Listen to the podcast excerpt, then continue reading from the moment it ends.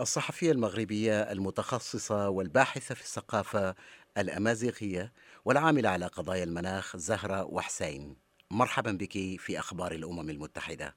مساء الخير. آه، أشكرك على الدعوة والشكر لجميع الزملاء في الإذاعة الأمم المتحدة القسم العربي وعلى حسن الاستقبال هنا في مقر الأمم المتحدة. تحضرين إلى مقر الأمم المتحدة هذا الأسبوع عبر عملك مع الصندوق العالمي للمناخ التابع لبرنامج الأمم المتحدة الإنمائي وهو المهتم بقضايا تغير المناخ. ما هي العلاقة؟ بحكم آه، أمازيغية الأصل آه، في بلد ينتمي إلى شمال إفريقيا بلد آه، يعني جل ساكنته أمازيغيين يتكلمون اللغة الأمازيغية منذ القدم والثقافة الأمازيغية لها جذور وجذور عريقة جدا.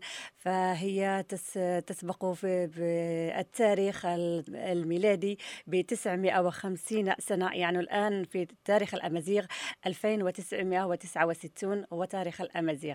يعني العلاقة آه، إن رأيت فهي توجد علاقة دائما.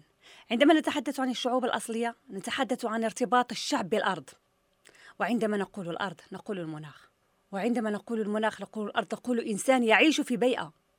وهذا الإنسان يجب أن يعيش في تلك البيئة التي تحتفظ على تلك الموارد المائية الموارد الطبيعية. يعني هناك ارتباط حتى العديد من اللقاءات التي مرت في هذا المنتدى العالمي الثامن عشر للشعوب الأصلية. هناك العديد من اللقاءات التي تتحدث عن المعارف التقليدية عند الشعوب الأصلية. كيف كانوا يتدبرون التغيرات المناخية؟ كيف كانوا يحافظون على التنوع البيولوجي؟ هناك نوع من الارتباط لا يمكن أن نتحدث عن حق دون أن نتحدث عن الحق البيئي. لا يمكن أن نتحدث عن الحق في الأكل في حياة آه، نقية في حياة في وسط ملائم.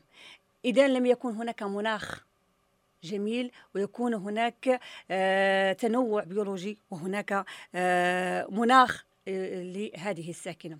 بحكم كوني أشتغل في الصحافة يعني ارتباط بالصحافة كأمازيغية عندي برنامج هو عالم عالم البيئة. دائما كان عندي برنامج أسبوعي دائما أناقش فيه القضايا البيئية. وهذا باللغة الأمازيغية؟ باللغة الأمازيغية بجميع آه، فروعها.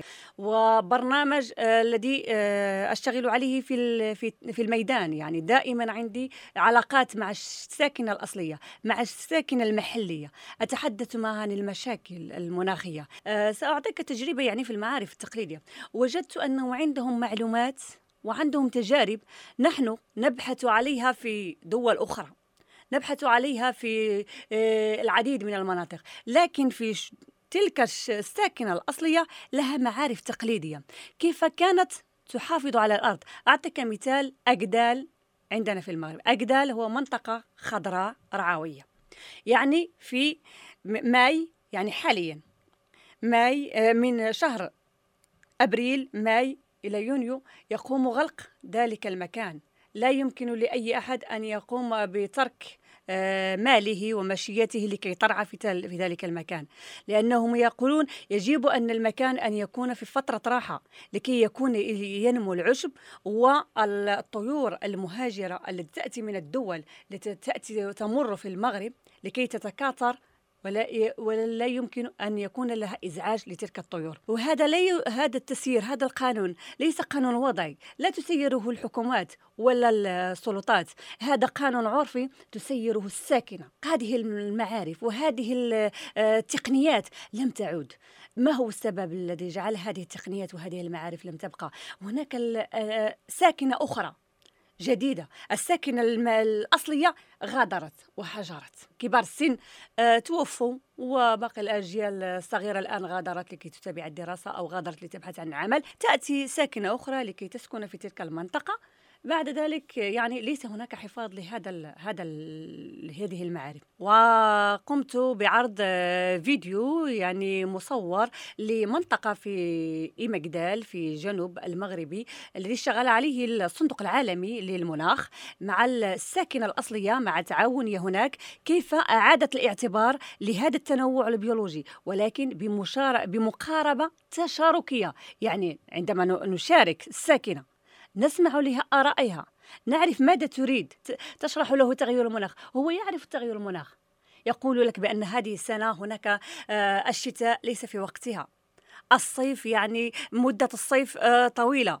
رغم أنه ليست له آه، غير آه، متمدرس لم يدخل المدرسة ولا التعليم جامعي ولكن يعرف تغيرات مناخ. ولكن عندما تتحدث بأنه هناك تغير مناخ وما هو السبب لهذا التغير المناخ تجد أن الساكنة لديها قابلية لمعرفة والحفاظ على تلك الأرض. لأن الأرض عند الساكنة الأصلية فهي الأرض تقول الأرض أنا الآن فيها لكن الأرض ليس لي فهي للجيل الذي سيأتي بعدي يجب أن نحافظ عليه.